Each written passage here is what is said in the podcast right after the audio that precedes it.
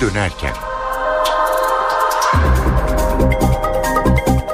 İyi akşamlar. Bugün 12 Aralık Cuma. NTV Radyo'da Türkiye ve Dünya'dan günün haberlerini aktaracağız. Ben Ayhan Aktaş. Önce özetlere bakalım.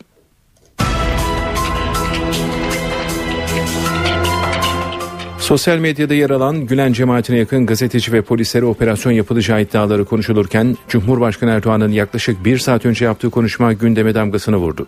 Cumhurbaşkanı Gezi Park olayları ve 17 Aralık operasyonu için darbe girişimi ifadesini kullandı. Cemaati ilk kez faili meçhul cinayetlerle suçladı. Cumhurbaşkanı daha şaşırtıcı şeyler de görecek, duyacaksınız dedi. Başbakan Yardımcısı Bülent Arınç, Gülen cemaatin operasyon iddiaları için vahim ifadesini kullandı. Operasyonda görev yapacak polislerin ismine kadar verildiğine göre üzerinde durulmalı. Umarım asla çıkmaz dedi. İddialar üzerine İstanbul'da Zaman Gazetesi, emniyet ve adliye önünde dün geceden bu yana protesto gösterileri var.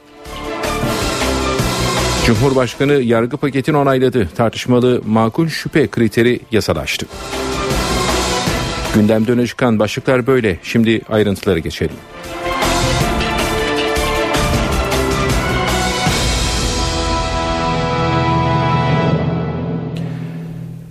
Cumhurbaşkanı Tayyip Erdoğan'ın paralel yapı olarak adlandırdığı Gülen cemaatine yönelik açıklamaları gündeme damgasını vurdu.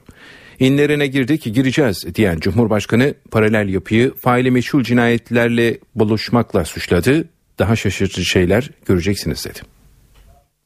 Eğitimden, hizmetten, himmetten bahseden yapının bir takım kirli cinayetlere, burası çok önemli, faili meçhul cinayetlere dahi bulaştığını işte bugünlerde görüyoruz.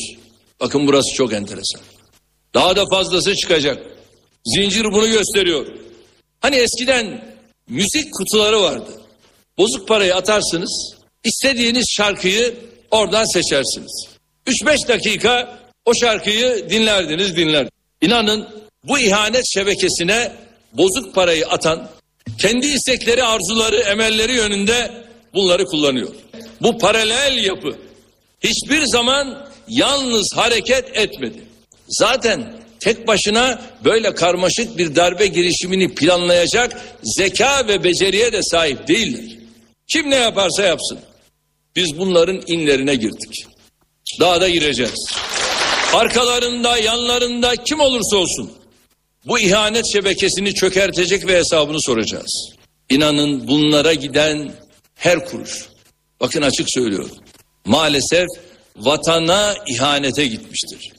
Bu mesele sadece paralel yapı meselesi değildir.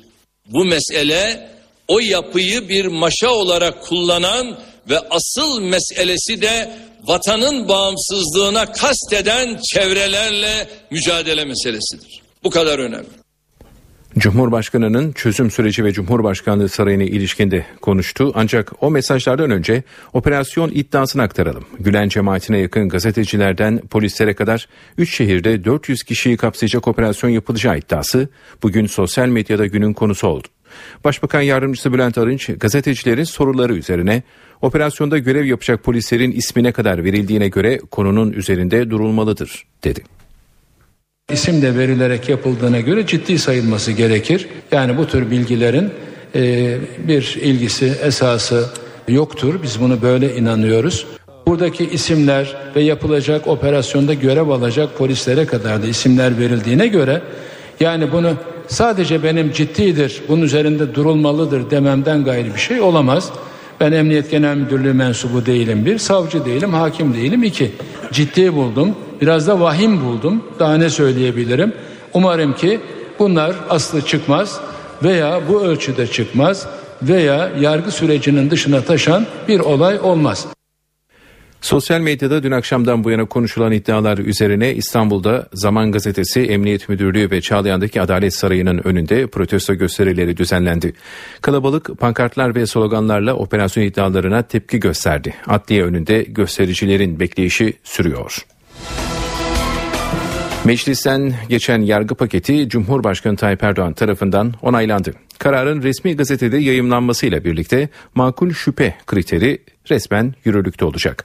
Polis artık makul şüphe ile hareket edebilecek. Ayrıca hakim ve savcı maaşlarına da zam geliyor. Düzenlemenin ayrıntılarını almak üzere Ankara'ya NTV muhabiri Miray Aktağ Uluç'a bağlanıyoruz. Miray söz sende. Tartışılan yargı paketi Cumhurbaşkanı Tayyip Erdoğan tarafından onaylandı. Aramalara kuvvetli şüphe yerine makul şüphe kriteri getirildi. El koyma ve teknik takip kapsamı genişletildi. Cumhurbaşkanı Tayyip Erdoğan yargı paketini geçtiğimiz saatler içerisinde onayladı ve yapılan değişiklikle anayasal düzene ve hükümete karşı suçlarda teknik takip yapılması öngörülüyor. Bu suçlardaki soruşturmalarda el koyma kararı da verilebilecek. Yargı paketiyle Yargıtay'ın daire sayısı 38'den 46'ya, Danıştay'ın daire sayısı da 15'ten 17'ye çıkıyor. Danıştay'a 39, Yargıtay'a 129 yeni üye seçilmesi de söz konusu olacak. Adalet Bakanlığı Taşra Teşkilatı'na 4000 yeni hakim alınması da söz konusu olacak bu düzenlemeyle. Son törende yaşanan olayın ardından adli yıl açılış törenleri de yasadan çıkartıldı. Hatırlanacağı gibi Metin Feyzioğlu ile Recep Tayyip Erdoğan arasında yaşanan bir gerginlik vardı. Hakim ve savcılara 14 Şubat 2005'ten 1 Eylül 2013'e kadar verilen uyarma, aylıktan kesme cezaları affedilecek.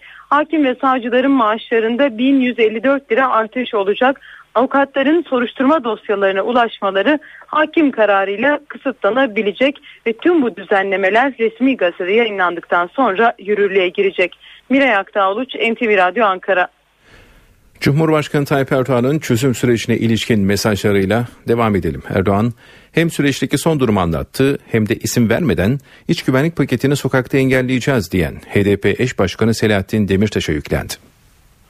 Çözüm sürecinde Türkiye artık çok önemli bir aşamaya geldi. Artık kuru tehditler, sabotajlar, kirli ittifaklar hamdolsun çözüm sürecini rayından çıkaramaz. İstikametinden uzaklaştıramaz. Çözüm süreci artık 77 milyonun umutla sahip çıktığı bir süreç oldu ve umutla da filizlenmeyi sürdürüyor. Çözüm sürecini sokakla, dağ ile tahdit edenler artık Doğu Güneydoğu'daki vatandaşlarımız nezdinde de itibar görmüyor. Bir kere bu kuru tehditleri savuranlar 6-7 Ekim olaylarında ellerine bulaşan kanı temizleyecekler. Ellerine yüzlerine bulaşan o kanın hesabını verecekler. Göreceksiniz. Ucuz ve kuru tehditlerinin altında da kalacaklar. Çözüm sürecine millete sahip çıkmıştır. Millet sahip çıkmıştır. İnşallah milletin bu süreci hayır dualarıyla desteklemesi neticesinde bu süreç bu kanlı elleri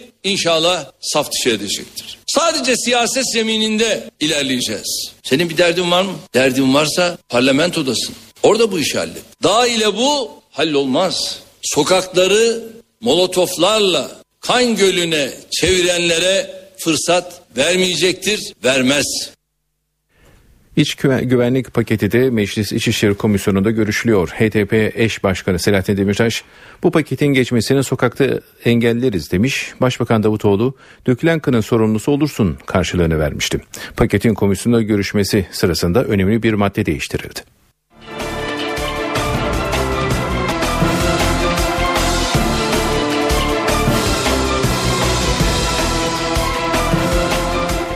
Evet az önce aktardığımız haberin bantını az sonra dinleyeceğiz. Bir sıradaki haberle devam edelim. Bültenimizi Anayasa Mahkemesi Cumhurbaşkanlığı Sarayı ile ilgili bireysel başvuruları geri çevirdi. Saray ile ilgili tepkilere karşı Cumhurbaşkanı Tayyip Erdoğan bugün açıklama yaptı. Maliyetini söyledi ve itibardan tasarruf olmaz dedi. Yeni Türkiye her şeyiyle bir defa kendini ortaya koyacak. Çok ilginçtir. Bütün bunları söyleyenler ve bir de bunun üzerine buranın kaçak saray olduğunu söyleyenler. Bu da ne edebe ne adaba sığmaz. Yani burada Türkiye Cumhuriyeti hükümeti yapmış olduğu bu sarayı ne gerekiyorsa buna göre yapmıştır. Bütün bu noktada Danıştay kararları hepsi bunun içinde var. Ve şurada şu kadar ağaç kesildi, şu bu filan falan. Hepsi yalan. Bunlar aynı şeyi farklı yerlerde de yaptılar. Birinci köprü yapıldı, karşı çıktılar. İkinci köprü yapıldı, karşı çıktılar. Üçüncü köprü yapılıyor buna da karşı çıktılar. Bu ülkede güzellik adına millete yakışacak ne yapılıyorsa hepsine karşı çıktılar. Bir büyüğümüzün güzel bir sözü var. Ne biliyor musunuz? İtibardan tasarruf olmaz. Burası Türk milletinin itibarıdır. Buradan tasarruf olmaz. Sonucu nedir? 600-650 milyon dolar. Bu. Öbür tarafta 5 milyar dolar restorasyonu. Arkadaşlar bunlar da ufuk yok.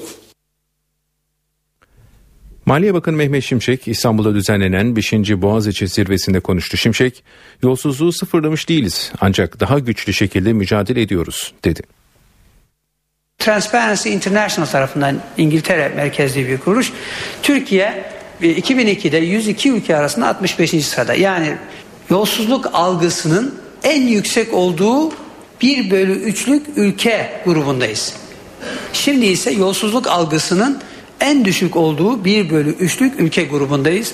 Açık ve net olarak yolsuzlukla mücadelede de Türkiye mesafe kat etmiştir. Bu seneki tartışmaların önemli bir boyutu tamamen siz de biliyorsunuz ki siyasi motivasyonlarla yapılmıştır. Ama bu ülkede tabii ki biz yolsuzluğu sıfırlamış değiliz. Daha çok mücadele edeceğiz, daha güçlü mücadele edeceğiz. Başbakan ve ana muhalefet lideri arasında yeni bir polemik başladı. Başbakan bütçe görüşmelerinde CHP liderini Sosyal Sigortalar Kurumu Genel Müdürü olduğu dönemde sınavsız personel almakla suçladı. CHP lideri ise bu iddiaya karşı ispatlasınlar istifa edeyim dedi. 70 kişiden vazgeçtim. 7 kişi. 7 kişi sınavsız aldığımı ispat etsinler bırakacağım.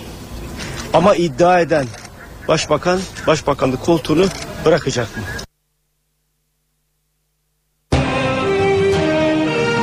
NTV Radyo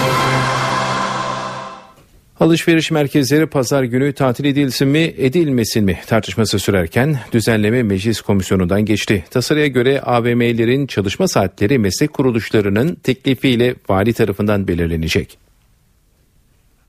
Büyük alışveriş merkezleri ve zincir mağazaların çalışma saatleriyle ilgili bir konu var. Şimdi bu tasarıda e, öyle bir düzenleme, öyle bir kural yok biliyorsunuz. Yani e, o arkadaşlarımızın, milletvekili arkadaşlarımızın verdiği teklifte yer alan bir düzenleme. Hükümetimizin şimdi görüşeceğimiz o tasarıda böyle bir düzenleme söz konusu değil. Meclis Sanayi Komisyonu 18 saat çalıştı. Alışveriş merkezlerine ilişkin düzenlemeleri de içeren taslak kabul edildi. AK Partili Mustafa Öztürk'ün AVM'ler pazar günleri tatil edilsin, akşam 20.30'da kapansın önerisi komisyonda karşılık bulmadı. Düzenlemeye göre çalışma saatleri meslek kuruluşlarının teklifiyle vali tarafından belirlenecek.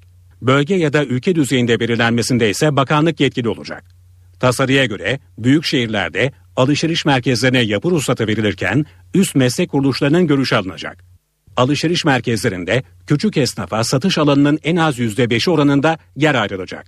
Kira raiç bedelden belirlenecek. Kaybolmaya yüz tutmuş mesleklere kiraya verilmek üzere de satış alanının en az binde ikisi oranında yer ayrılacak. Buralar için kira raiç bedelinin dörtte birinden fazla olamayacak. AVM'nin otopark, sosyal ve kültürel etkinlikler alanı, acil tıbbi müdahale ünitesi, ibadet yeri, bebek bakım odası, çocuk oyun alanı zorunlu olacak. Büyük marketlerde yöresel ürün standlarına yer ayrılacak. Kampanyalı satışların süresi açılış ve devir durumunda 3 ayı, tasfiye durumunda ise 6 ayı geçemeyecek. Zonguldak'ta maden ocağında göçük oldu. Bir kişi hayatını kaybetti. Özel şirkete ait kümür ocağında tavandan kaya parçaları düşmesi sonucu göçük oluştu. Ocakta çalışan Selami Yalçın kaya parçalarının altında kaldı. Arkadaşları tarafından göçükten çıkarılan 33 yaşındaki Selami Yalçın kaldırıldığı hastanede hayatını kaybetti. Isparta'da askerlik yaparken rahatsızlanan ve tedavi için Ankara'ya gönderilen Er Ramazan Yegiz'den 8 gündür haber alınamıyor. Şırnak'ın Cizre ilçesinde yaşayan İbrahim Negiz oğlunun 8 gündür kayıp olduğunu söyledi. Isparta Eğirdir Dağ Komando Okulu'nda askerlik yapan oğlunun rahatsızlığı nedeniyle Ankara'ya sevk edildiğini anlatan baba, oğlunun bir refakatçi eşliğinde Ankara'ya gittiğini ama kaybolduğunu iddia etti. NTV Radyo Az önce değindiğimiz iç güvenlik paketine dönük haberle ilgili notları aktaralım. Paket üzerinde önemli değişiklikler yapıldı. AK Partili komisyon üyelerinin verdikleri bir önergeyle güvenlik güçlerinin araç arama konusunda yeni düzenleme getirildi. Buna göre güvenlik güçleri aracını aradıkları kişiye arama gerekçesini de içeren bir belge verecek. Bu değişikliğin gerekçesi ise yapılacak aramalarda verilen yetkilerin kötüye kullanılmasını önlemek. Pakette yapılan bir diğer değişikliğe göre ise okul, yurt, hastane ya da ibadethanelerle birlikte kışla ve askeri tesislerde uyuşturucu bulundurmak, satmak ve kullanmak ağırlaştırılmış ceza kapsamına alınacak. Değişikliğe göre bu yerlerdeki uyuşturucu suçlarına verilecek ceza yarı oranında arttırılarak uygulanacak. NTV Radyo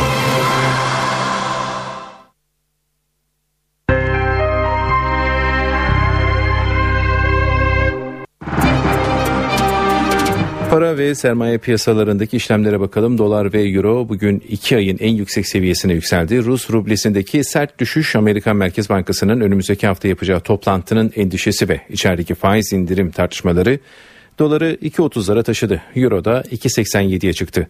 Kurlardaki yükseliş borsayı da olumsuz etkiledi. Endeks %2'ye yakın değer kaybetti.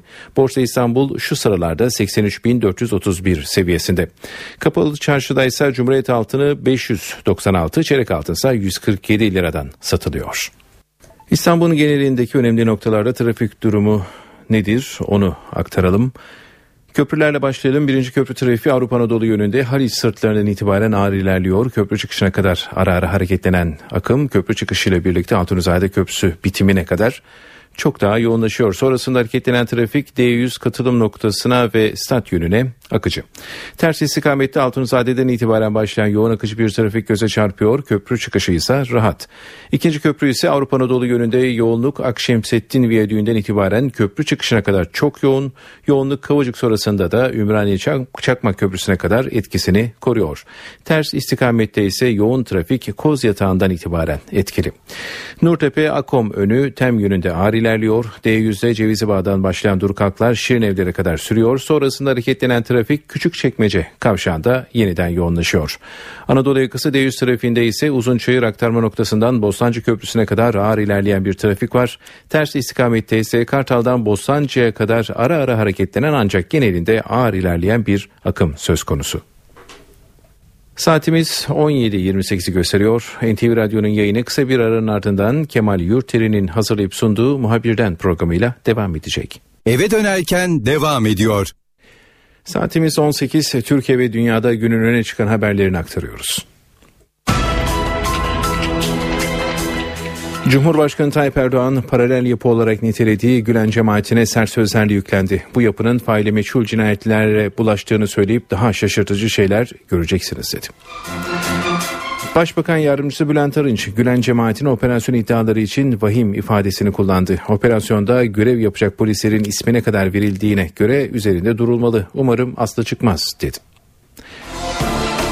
Nöbet sistemini protesto eden aile hekimleri bugün iş bıraktı. Peki greve katılım nasıldı? Hastalar durumdan etkilendi mi? Bu sorulara yanıt arayacağız. Rusya Suriye'deki iç savaşı sonlandırmak adına devreye girdi ve bir plan hazırlandı. O planın ne öngördüğünü canlı bağlantıyla öğreneceğiz. Günün gelişmelerinden öne çıkan başlıklar böyle. Şimdi ayrıntılara geçelim.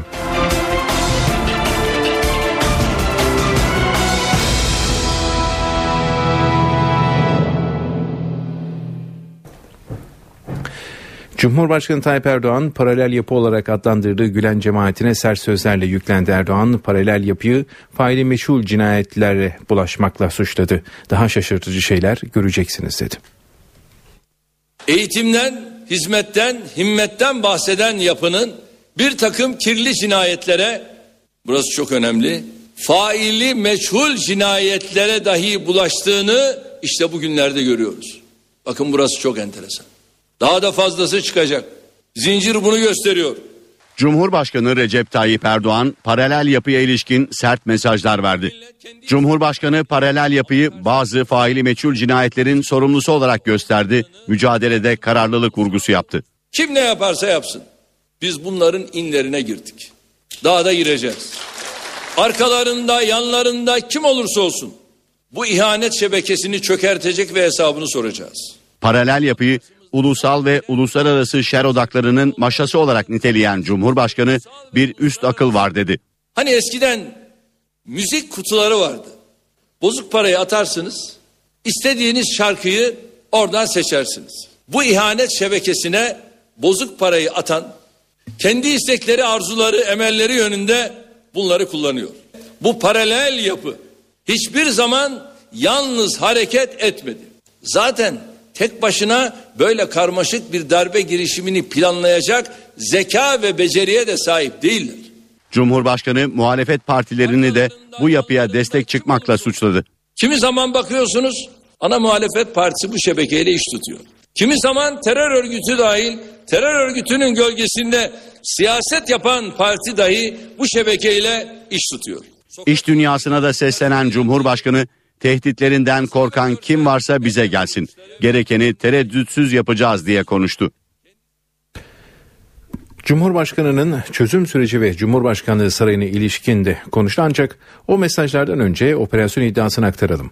Gülen cemaatine yakın gazetecilerden polislere kadar 3 şehirde 400 kişiyi kapsayacak operasyon yapılacağı iddiası bugün sosyal medyada günün konusu oldu. Başbakan Yardımcısı Bülent Arınç gazetecilerin soruları üzerine operasyonda görev yapacak polislerin ismine kadar verildiğine göre konunun üzerinde durulmalıdır dedi.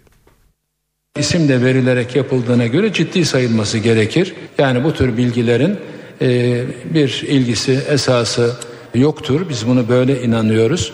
Buradaki isimler ve yapılacak operasyonda görev alacak polislere kadar da isimler verildiğine göre yani bunu sadece benim ciddidir, bunun üzerinde durulmalıdır dememden gayrı bir şey olamaz. Ben Emniyet Genel Müdürlüğü mensubu değilim bir, savcı değilim, hakim değilim iki. Ciddi buldum, biraz da vahim buldum. Daha ne söyleyebilirim?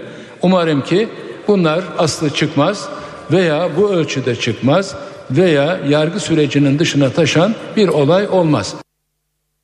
Sosyal medyada dün akşamdan bu yana konuşulan iddialar üzerine İstanbul'da Zaman Gazetesi Emniyet Müdürlüğü ve Çağlayan'daki Adalet Sarayı'nın önünde protesto gösterileri düzenlendi. Kalabalık pankartlar ve sloganlarla operasyon iddialarına tepki gösterdi. Adliye önünde göstericilerin bekleyişi ise sürüyor.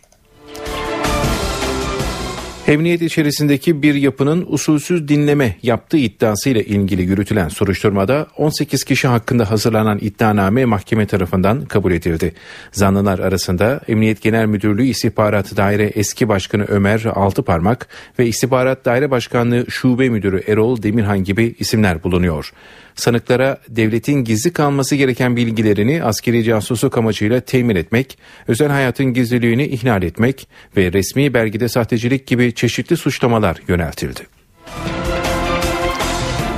İktidarla muhalefet arasında tartışmalara neden olan yargı paketi Cumhurbaşkanı Tayyip Erdoğan tarafından onaylandı. Paket polise kuvvetli şüphe yerine makul şüphe ile arama yetkisi veriyor. Düzenleme hakim ve savcıları da yakından ilgilendiriyor. Aramalara kuvvetli şüphe yerine makul şüphe kriteri getirildi. El koyma ve teknik takip kapsamı genişletildi. Cumhurbaşkanı Erdoğan yargı paketini onayladı. Yapılan değişiklikle anayasal düzene ve hükümete karşı suçlarda teknik takip yapılabilecek. Bu suçlardaki soruşturmalarda el koyma kararı verilebilecek. Yargı paketiyle Yargıtay'ın daire sayısı 38'den 46'ya, Danıştay'ın daire sayısı 15'ten 17'ye çıkarılacak. Danıştay'a 39, Yargıtay'a 129 yeni üye seçilecek. Adalet Bakanlığı Taşra Teşkilatı'na 4000 yeni hakim alınacak. Hiçbiri siyasi değildir. Hepsi, hepsi anayasaya uygundur. Son törende yaşanan olayın ardından adli yıl açılış törenleri de yasadan çıkarıldı. Hakim ve savcılara 14 Şubat 2005'ten 1 Eylül 2013'e kadar verilen uyarma, aylıktan kesme cezaları affedilecek. Hakim ve savcıların maaşlarında 1154 lira artış olacak avukatların soruşturma dosyalarına ulaşmaları hakim kararıyla kısıtlanabilecek. Tüm bu düzenlemeler resmi gazetede yayınlandıktan sonra yürürlüğe girecek.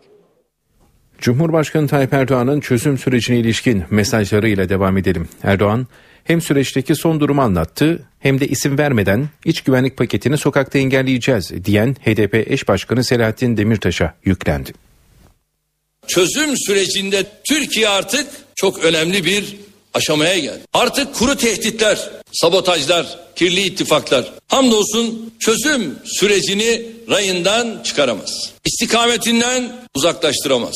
Çözüm süreci artık 77 milyonun umutla sahip çıktığı bir süreç oldu ve umutla da filizlenmeyi sürdürüyor. Çözüm sürecini sokakla, dağ ile tahdit edenler artık Doğu Güneydoğu'daki vatandaşlarımız nezdinde de itibar görmüyor. Bir kere bu kuru tehditleri savuranlar 6-7 Ekim olaylarında ellerine bulaşan kanı temizleyecekler. Ellerine yüzlerine bulaşan o kanın hesabını verecekler. Göreceksiniz. Ucuz ve kuru tehditlerinin altında da kalacaklar. Çözüm sürecine millete sahip çıkmıştır. Millet sahip çıkmıştır. İnşallah milletin bu süreci hayır dualarıyla desteklemesi neticesinde bu süreç bu kanlı elleri inşallah saf dışı edecektir. Sadece siyaset zemininde ilerleyeceğiz. Senin bir derdin var mı? Derdin varsa parlamentodasın. Orada bu işi hallet. Dağ ile bu hallolmaz.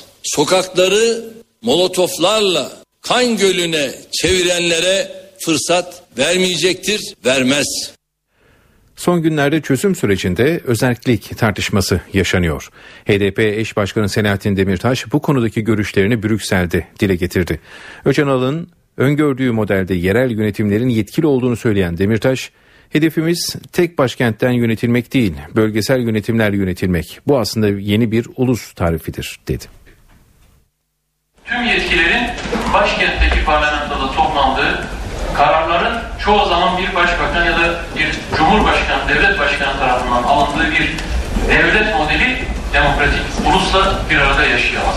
Irka dayalı ya da dine dayalı, mezhebe dayalı ya da tek bir etnik kimliğe dayalı bir ulus tarifinden öte bütün farklılık kimliklerin eşit derecede kurucu unsur olarak kendini var ettiği bir demokratik ulustan söz ediyoruz. Abdullah Öcalan'ın müzakere taslağının ayrıntılarını HDP eş genel başkanı Selahattin Demirtaş anlattı. Avrupa Parlamentosu'nda düzenlenen Kürt konferansında konuşan Demirtaş, Öcalan'ın öngördüğü modelin eğitim, eğitim dili, güvenlik ve adalet gibi konularda yerel yönetimleri yetkili kıldığını söyledi. Özellik anlayışının uygulandığı katılımcı demokrasinin birçok yerde sivil meclislerle doğrudan demokrasinin uygulandığı demokratik bir devlete ihtiyaç var. Demirtaş, yerel yönetimi sağlayacak kurumların merkezi yönetime karşı korunması için bir kolluk gücüne sahip olması gerektiğini de savundu. Selahattin Demirtaş, genel af gibi konuların bugünün tartışma maddesi olmadığını belirtti. HDP eş genel başkanı Türkiye'de kalıcı barış ve özgürlük ortamının sağlanması durumunda cezaevinde ya da sürgünde olan insanların orada durmasının bir anlamı olmayacağını savundu. Selahattin Demirtaş adı genel af olmasa da bir düzenlemenin gündeme ancak o zaman gelebileceğini belirtti. Çözüm sürecinde hükümetten ve HDP'den karşılıklı polemik açıklamaları geliyor. Peki Öcalan'ın hazırladığı ve Kandil'inde onayladığı belirtilen müzakere taslağında ne var? Görüşmeler bundan sonra nasıl ilerleyecek?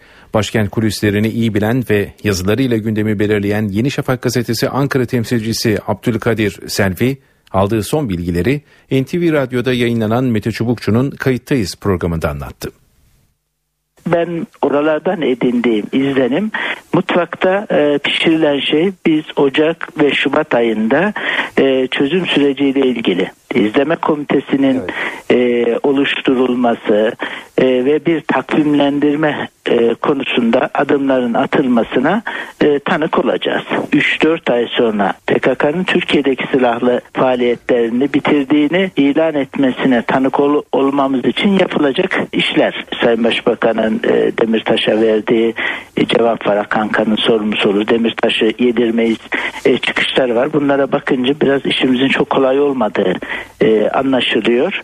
Valla bu şeylerde ben şunu gördüm. İlk bu çözüm süreciyle ilgili haberleri yazdığımda evet. Mayıs ayına kadar neredeyse üçüncü aşama tamamlanacak diye yazmıştım ama bir gezi süreci bitti. Geri çekilme durduruldu ve e, takvim sarktı.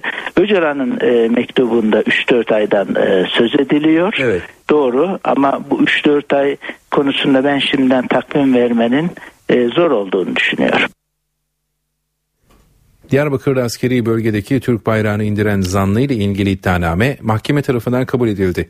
26 yıla kadar hapis cezası istenen zanlı Ömer Mutlu'nun ifadesinde bir gösteri sırasında hayatını kaybeden arkadaşına çok üzüldüğünü, sinirlerine hakim olamayıp bayrağı indirdiğini söylemişti. Anayasa Mahkemesi Cumhurbaşkanlığı Sarayı ile ilgili bireysel başvuruları geri çevirdi. Saray ile ilgili tepkilere karşı Cumhurbaşkanı Tayyip Erdoğan bugün açıklama yaptı. Maliyetini söyledi ve itibardan tasarruf olmaz dedi. Yeni Türkiye her şeyiyle bir defa kendini ortaya koyacak. Çok ilginçtir. Bütün bunları söyleyenler ve bir de bunun üzerine buranın kaçak saray olduğunu söyleyenler. Bu da ne edebe ne adaba sığmaz. Yani burada Türkiye Cumhuriyeti hükümeti yapmış olduğu bu sarayı ne gerekiyorsa buna göre yapmıştır. Bütün bu noktada Danıştay kararları hepsi bunun içinde var. Ve şurada şu kadar ağaç kesildi, şu bu filan falan. Hepsi yalan. Bunlar aynı şeyi farklı yerlerde de yaptılar. Birinci köprü yapıldı, karşı çıktılar. İkinci köprü yapıldı, karşı çıktılar. Üçüncü köprü yapılıyor buna da karşı çıktılar. Bu ülkede güzellik adına millete yakışacak ne yapılıyorsa hepsine karşı çıktılar. Bir büyüğümüzün güzel bir sözü var. Ne biliyor musunuz? İtibardan tasarruf olmaz. Burası Türk milletinin itibarıdır. Buradan tasarruf olmaz. Sonucu nedir? 600-650 milyon dolar. Bu. Öbür tarafta 5 milyar dolar restorasyonu. Arkadaşlar bunlar da ufuk yok. Başbakan ve ana muhalefet lideri arasında yeni bir polemik başladı. Başbakan bütçe görüşmelerinde CHP liderini Sosyal Sigortalar Kurumu Genel Müdürü olduğu dönemde sınavsız personel almakla suçladı. CHP lideri ise bu iddiaya karşı ispatlasınlar istifa ederim dedi.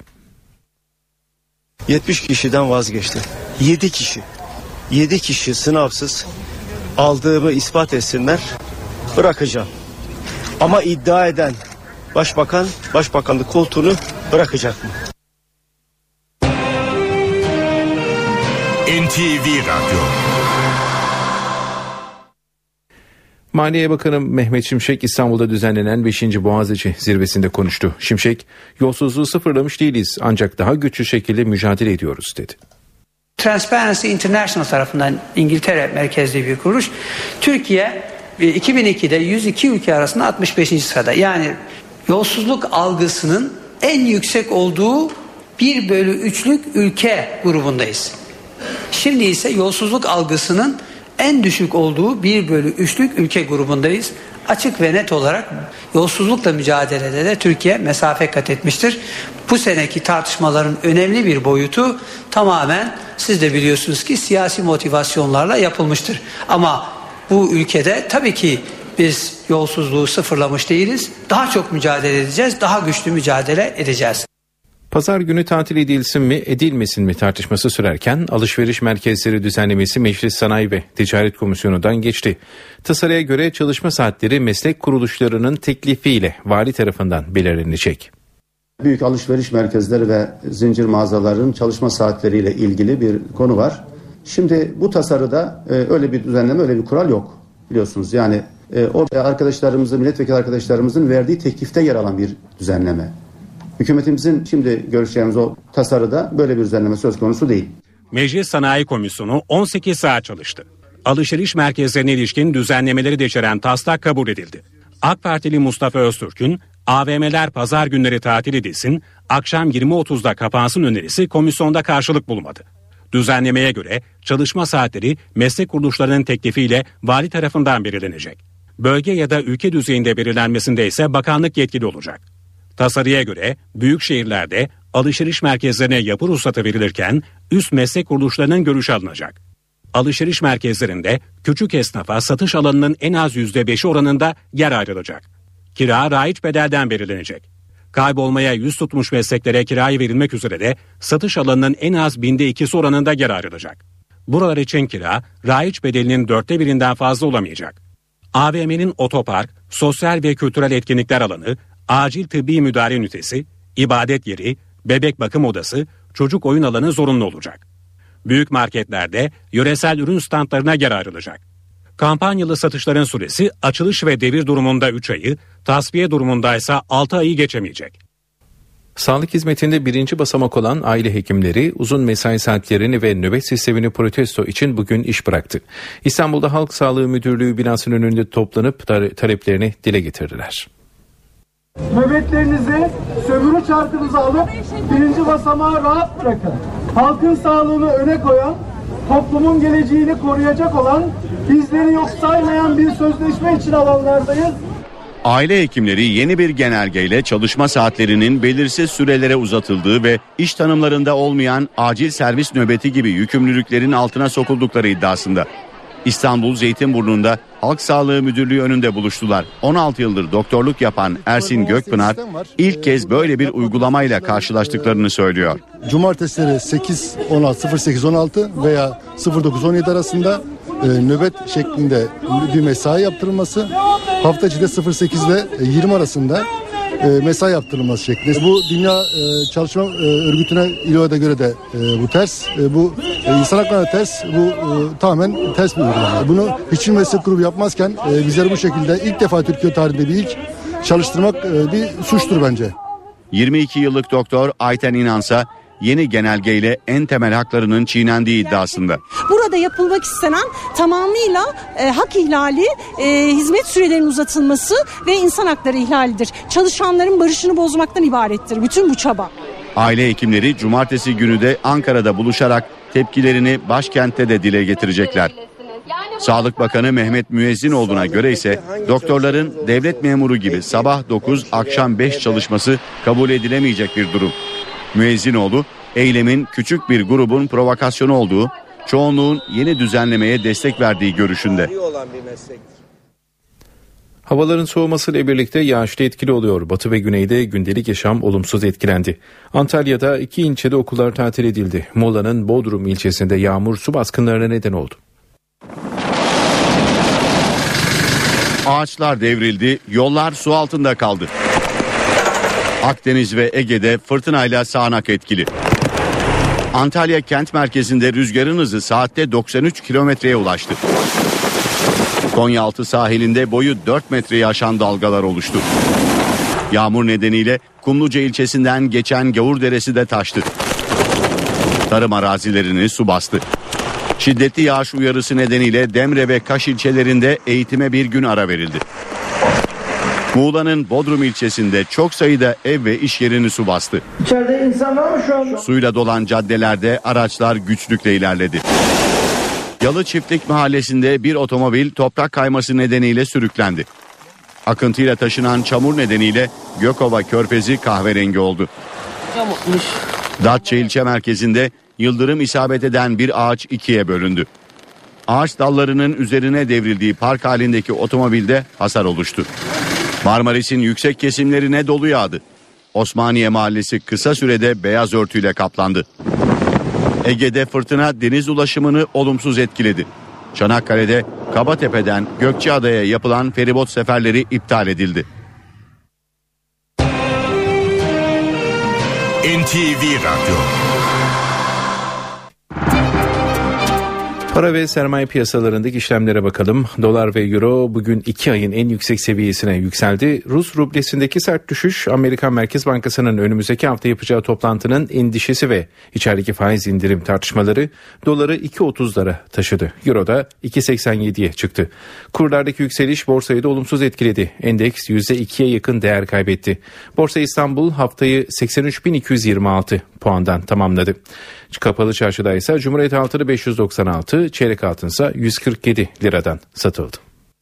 Şimdi reklam arasına gidiyoruz. Eve dönerken devam ediyor. Saatimiz 18.30 NTV Radyo'da haber turu başlıyor.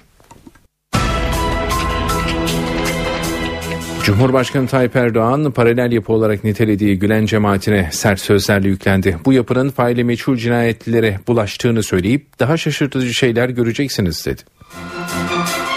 Emniyet içerisindeki bir yapının usulsüz dinleme yaptığı iddiaları ile ilgili yürütülen soruşturmada 18 kişi hakkında hazırlanan iddianame mahkeme tarafından kabul edildi. Zanlılara devletin gizli kalması gereken bilgilerini askeri casusluk amacıyla temin etmek, özel hayatın gizliliğini ihlal etmek ve resmi belgede sahtecilik gibi çeşitli suçlamalar yöneltildi. Uyuşturucuyla mücadele kapsamında oluşturulan narko timler Ankara'da ilk iş gününde önemli bir operasyona imza attı. Bir iş yerine baskın düzenleyen ekipler 556 kilogram eroin ele geçirdi. Uyuşturucunun piyasa değeri tam 90 milyon lira.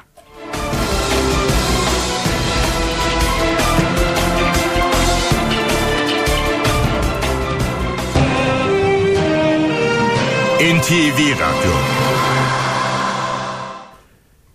İş güvenliği için hazırlanan torba yasayla Türkiye'nin tek tapusuz ilçesi olan Şanlıurfa'ya bağlı Ceylanpınar ilçesi satışa çıkarılıyor. Buna göre ilçe kentsel dönüşüm kapsamına alınacak ve büyük bölümü hazineye ait olan araziler onları kullananlara uygun koşullarda satılacak. Türkiye'nin tapusuz tek ilçesi Ceylanpınar yıllar sonra kayıt altına alınıyor. İlçedeki gayrimenkuller kentsel dönüşümle yeniden sahiplerine satılacak. 1982 yılında ilçe olan Şanlıurfa Ceylanpınar'da gayrimenkuller 1955 yılından bu yana hazine arazisi olarak görünüyor. Hazineye ait taşınmazlar halk tarafından ev ve iş yeri olarak kullanılıyor. Ancak hiçbirinin tapusu yok.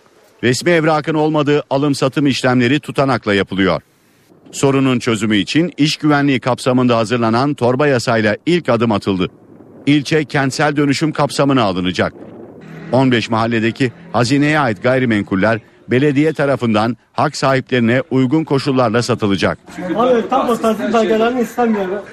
Ceylan Pınarlılar tapu sahibi olacakları için mutlu. Ancak ödeyecekleri bedelin yüksek olmasından endişe ediyor. Galiba valla yüksek bir fiyata çıkarıyorlar. Gerçekten ödemesi zordur. Yani bunu nasıl ödeyeceğiz biz de bilmiyoruz. O eve alırken bir daha bir daha almak zorunda kalıyoruz. Tabi bu tapuların verilmesi bir an önce bizim için, halk için daha iyi olur. Yalnız makul bir şekilde öyle bir yüksek fiyatla değil. Zaten vatandaş mağdurdur. Arazi satışları dönüşüm projesi ilan edildikten sonra başlayacak. Eğitim, sağlık ve kamu hizmeti için kullanılan araziler kapsam dışı olacak. Başkenti Hacettepe Üniversitesi kadınların boy uzunluğuna dönük bir araştırmayı açıkladı. Buna göre Türkiye'de kadının ortalama boyu 1.58 ve yaş ilerledikçe boy 2 santimetre kısalıyor. Kadınlar yaşlandıkça boyları kısalıyor, kiloları artıyor. Tespit Hacettepe Üniversitesi'nin 2013 Türkiye Nüfus ve Sağlık Araştırması'nda. Araştırma 8165 kadın üzerinde yapıldı. Araştırmaya göre Türkiye'de 15-49 yaş arasındaki kadınların ortalama boy uzunluğu 1 metre 58 santimetre. 40-49 yaş arası boy uzunluğuna bakıldığında ise ortalama 1 metre 56 santimetreye düşüyor. Yani yaş ilerledikçe boy 2 santimetre kısalıyor. Kadınların en uzun olduğu bölge Batı Anadolu. Ortalama 1 metre 61 santimetre.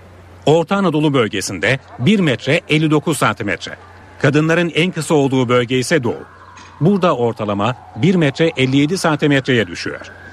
Araştırma, refah ve eğitim seviyesi arttıkça boyun da uzadığını ortaya koyuyor. Yüksek refah seviyesindeki lise ve üstü eğitim almış kadınlar 1 metre 60 santimetreden uzun. Sonuçlar Türkiye'nin giderek şişmanladığını da ortaya koyuyor. Beden kitle endeksine yani boy kilo oranına göre yapılan araştırmaya göre 100 kadından 55'i şişman ya da obez sınıfına giriyor. Şişmanlık yaşla birlikte artıyor. 40-49 yaş arası kadınlara bakıldığında şişman sınıfına girenlerin oranı %84'e çıkıyor.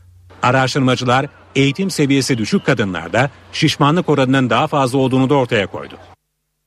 Suriye'den kaçan ve jet hızıyla Türk vatandaşlığına alınan piyanist Tambi Esat vatandaşlığı alır almaz Türkiye adına yarışmak üzere Rusya'ya gitmişti. Tambi uluslararası yarışmada turu geçti yarın ikinci turda yarışacak. Suriye'deki çatışmalardan kaçarak ailesiyle birlikte Bursa'ya yerleşen genç piyanist Tambi Esat, Rusya'nın St. Petersburg kentinde düzenlenen uluslararası yarışmada sahne aldı.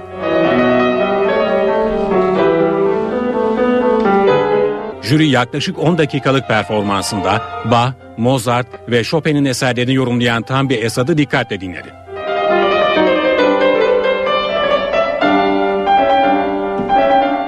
Bir üst tura çıkmayı başaran 16 yaşındaki genç piyanist cumartesi günü ikinci turda yeniden sahne alacak. Derece alırsam mutlu olacağım. Ama aslında yani intihar etmeyeceğim yani tabii ki. Umarım e, daha güzel olacak ve cumartesi ikinci turda da çalacağım. O da daha güzel çalacağım.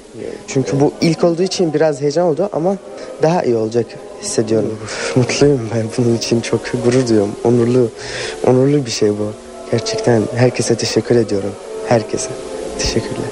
Esad'ın nüfus cüzdanı, Cumhurbaşkanı Erdoğan'ın Türk vatandaşı olmasına ilişkin kararnameyi imzalamasının ardından gece yarısı nüfus müdürlüğü açılarak verilmişti. Tam bir Esad, pasaportunu teslim aldıktan sonra St. Petersburg'a hareket etmişti. Eve dönerken haberlere reklam arası veriyoruz.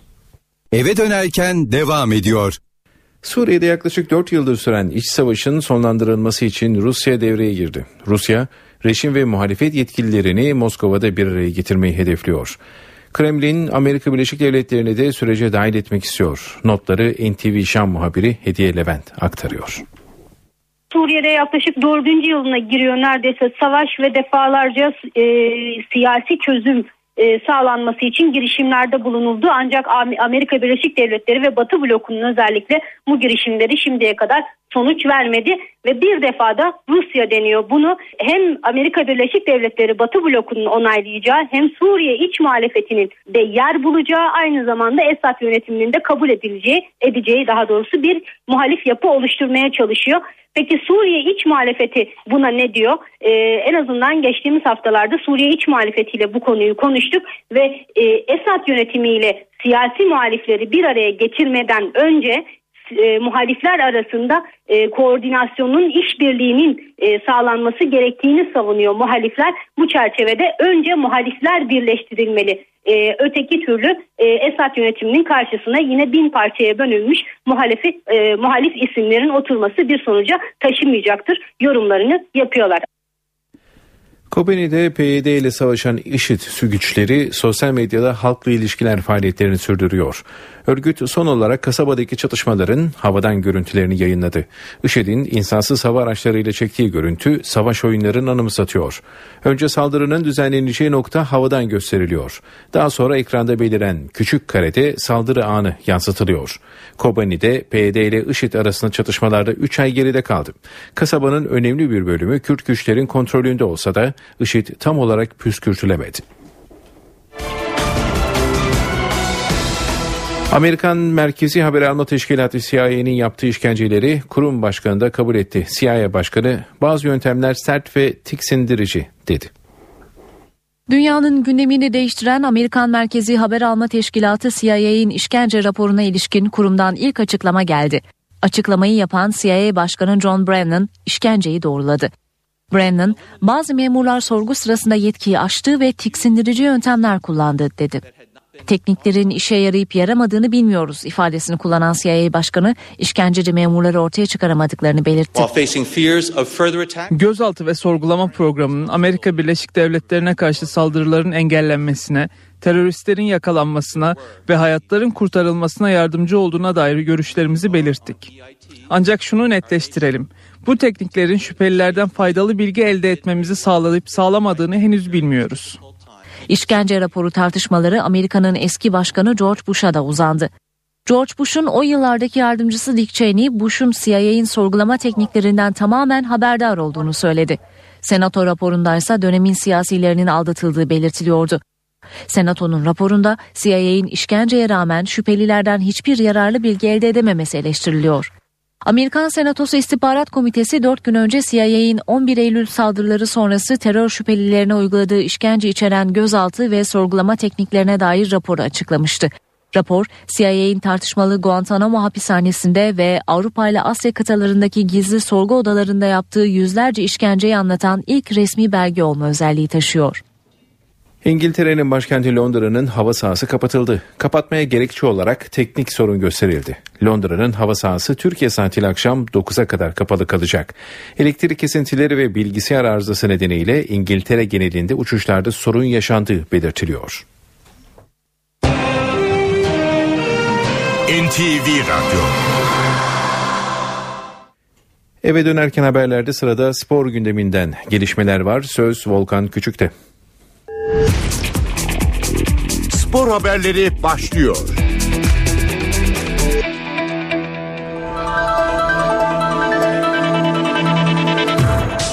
Beşiktaş UEFA Avrupa Ligi'nde C grubunu ilk sırada bitirdi. Siyah beyazlılar liderlik için çıktığı maçta Tottenham'ı Cenk Tosun'un golüyle 1-0 yendi. Beşiktaş teknik direktörü Slaven Bilic ikinci yarıdaki oyunlarıyla galibiyeti hak ettiklerini söyledi. Oyuncuların bugün muhteşemlerdi. Çok cesur oynadılar. Hak ettikleri bir galibiyet aldılar. İlk yarıda Tottenham bizden daha iyiydi. Topa daha fazla sahip oldular. Fırsat yakaladılar. Devre arasında dizilişte değişikliğe gittik ve ikinci yarıya daha iyi başladık. Cenk Tosun'un direkten dönen topu kırılma anıydı. Çocukların kendine güveni geldi. Kazanmaya inançları daha da arttı ve golü bulduk. Golden sonra da çok iyi savunma yaptık. Tolga da bugün çok önemli kurtarışlar yaptı. Bundan sonra ikinci turdaki rakibimizi bekleyeceğiz. Eleme turlarında karşılaşmak istemeyeceğiniz Liverpool gibi takımlar kura çekiminde bizi bekliyor. Tottenham teknik direktörü Pochettino ise yakaladıkları birçok pozisyonu gole çeviremediklerini ifade etti. Score and this is in football is important to score and and we create the chance. Maçın büyük bölümünde önemli pozisyonlar yakaladık ama gole çevirmeyi başaramadık. Futbol böyle bir oyun. Gol atamazsanız rakibiniz atar ve yenilirsiniz. Şimdi önümüzde Premier Lig ve Lig Kupası maçları var. Önce onlara odaklanmalıyız. Pazartesi günü Avrupa'daki rakibimiz belli olacak. Ama Şubat'a kadar Avrupa'yı biraz daha geri planda tutacağız. Trabzonspor liderlik maçında Lejia Varşova karşısında başarılı olamadı. Bordo Mavililer Polonya'daki seyircisiz maçta rakibine 2-0 yenildi ve L grubunu ikinci sırada tamamladı. Trabzonspor Teknik Direktörü Ersun Yanal, Lejia Varşova'nın sertliğinden yakındı. Bugün bence futbolun zaman zaman ötesine geçen sertlikte oynandı. Maçın yönetimine de e, hakem bu konuda e, izin verdi ve oldukça sert bir maç oynandı. Oynamak isteyen takımız. Biz hep e, pozitif oynamak isteyen takım olduk. Rakibin sertliğine zaman zaman biz de karşılık verdik ama bunu biraz e, dengesiz yaptık. Sinirlendik ve oyun disiplinden uzaklaştığımız zamanlar oldu. İkinci yarı daha e, çok pozisyon ürettik ama e, golü beceremedik. Şimdi önümüzdeki e, kura sonrasında Avrupa'daki yapacağımız oyuna ve bundan sonra e, oluşturacağımız e, hedefe e, odaklanacağız. Lejia Varşova Teknik Direktörü Henin Berk ise yüksek seviyede bir maç oynandığını dile getirdi. Very very pleased. Karşılaşma yüksek seviyede oynandı. Çok iyi futbol oynadık. Trabzonspor'un çok iyi, güçlü takım olduğunu biliyoruz. Ama galibiyeti ve 2-0'lık sonucu hak ettiğimizi düşünüyorum. Böyle tempolu ve yüksek seviyede oynanan bir maçta futbola yakışır goller atarak kazandık. Hem futboldan hem de sonuçtan çok memnunuz. Fenerbahçe Ülker Barcelona'nın bu sezon Euroleague'deki namalip ünvanına son verdi. Sarı lacivertli takım rakibini deplasmanda Bielitsa'nın uzatma devresinin son saniyelerini attığı basketle 91-89 yendi. Turkish Airlines Euroleague'de Fenerbahçe Ülker C grubundaki 9. hafta maçında Barcelona'ya konuk oldu. Barça'nın Deşon Thomas'la etkili olduğu ilk periyotta Sarı lacivertliler rakibine Hickman, Bogdanovic ve Zoric ile karşılık verdi. Çeyreği 25-23 önde geçen Fenerbahçe ikinci periyotta da Semih Erden'in de devreye girmesiyle soyunma odasına 42-37 üstünlükle gitti.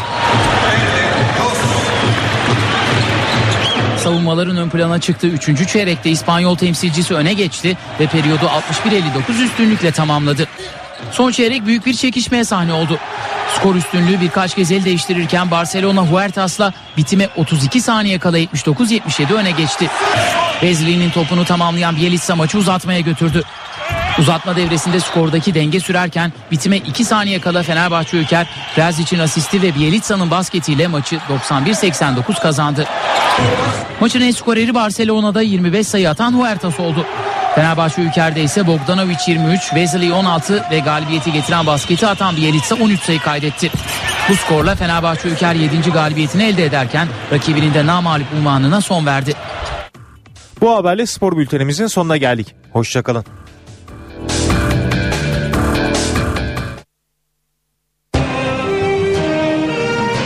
NTV Radyo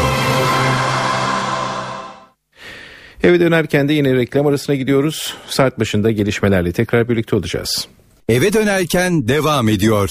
Saat 19 öne çıkan haberlerin özetlerini aktarıyoruz. Cumhurbaşkanı Tayyip Erdoğan paralel yapı olarak nitelediği Gülen cemaatine sert sözlerle yüklendi. Bu yapının faili meçhul cinayetleri bulaştığını söyleyip daha şaşırtıcı şeyler göreceksiniz dedi. Başbakan Yardımcısı Bülent Arınç Gülen cemaatine operasyon iddiaları için vahim ifadesini kullandı. Operasyonda görev yapacak polislerin ismine kadar verildiğine göre üzerinde durulmalı umarım asla çıkmaz dedi. Emniyet içerisindeki bir yapının usulsüz dinleme yaptığı iddiaları ile ilgili yürütülen soruşturmada 18 kişi hakkında hazırlanan iddianame mahkeme tarafından kabul edildi. Zanlılara devletin gizli kalması gereken bilgilerini askeri casusluk amacıyla temin etmek, özel hayatın gizliliğini ihlal etmek ve resmi belgede sahtecilik gibi çeşitli suçlamalar yöneltildi. İktidarla muhalefet arasında tartışmalara neden olan yargı paketi Cumhurbaşkanı Tayyip Erdoğan tarafından onaylandı. Paket polise kuvvetli şüphe yerine makul şüpheyle arama yetkisi veriyor.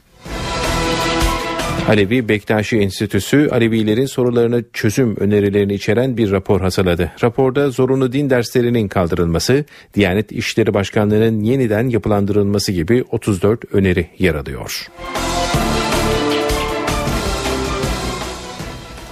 Yeni saat itibariyle İstanbul genelinde önemli noktalardaki trafik durumunu aktaralım. Köprülerle başlayalım. Birinci köprü trafiği Avrupa Anadolu yönünde Halis sırtlarının etkisini koruyor yoğun şekilde. Köprü çıkışına kadar da bu yoğunluk etkili. Köprü çıkışı ile birlikte Altunizade Köprüsü bitimine kadar çok daha yoğunlaşıyor. Sonrasında ise hareketlenen trafik D100 katılım noktasına ve stat yönüne akıcı. Ters istikamette Altunizade'den itibaren başlayan yoğun akıcı bir trafik göze çarpıyor. Köprü çıkışı ise oldukça rahat. İkinci köprü ise Avrupa Anadolu yönünde yoğunluk Akşemsettin Viyadüğü'nden itibaren köprü çıkışına kadar çok çok etkili. Yoğunluk Kavacık sonrasında da Ümraniye Çakmak Köprüsü'ne kadar ara ara yoğunluğunu hissettiriyor. Ters istikamette ise yoğun trafik Kozyatağı'ndan itibaren etkili. Anadolu yakası D100 trafiğinde ise Usunçayır aktarma noktasından Bostancı Köprüsü'ne kadar ağır ilerleyen bir trafik var. Eve dönerken haberlerin sonuna geldik. Ben Ayhan Aktaş, editör Sevan Kazancı, teknik masada Murat Çelik. İyi akşamlar diliyoruz. NTV Radyo yayını kısa bir aradan sonra Sevin Okyay'ın hazırlayıp sunduğu Sevin Okyay ile Köşe Bucak programıyla devam edecek.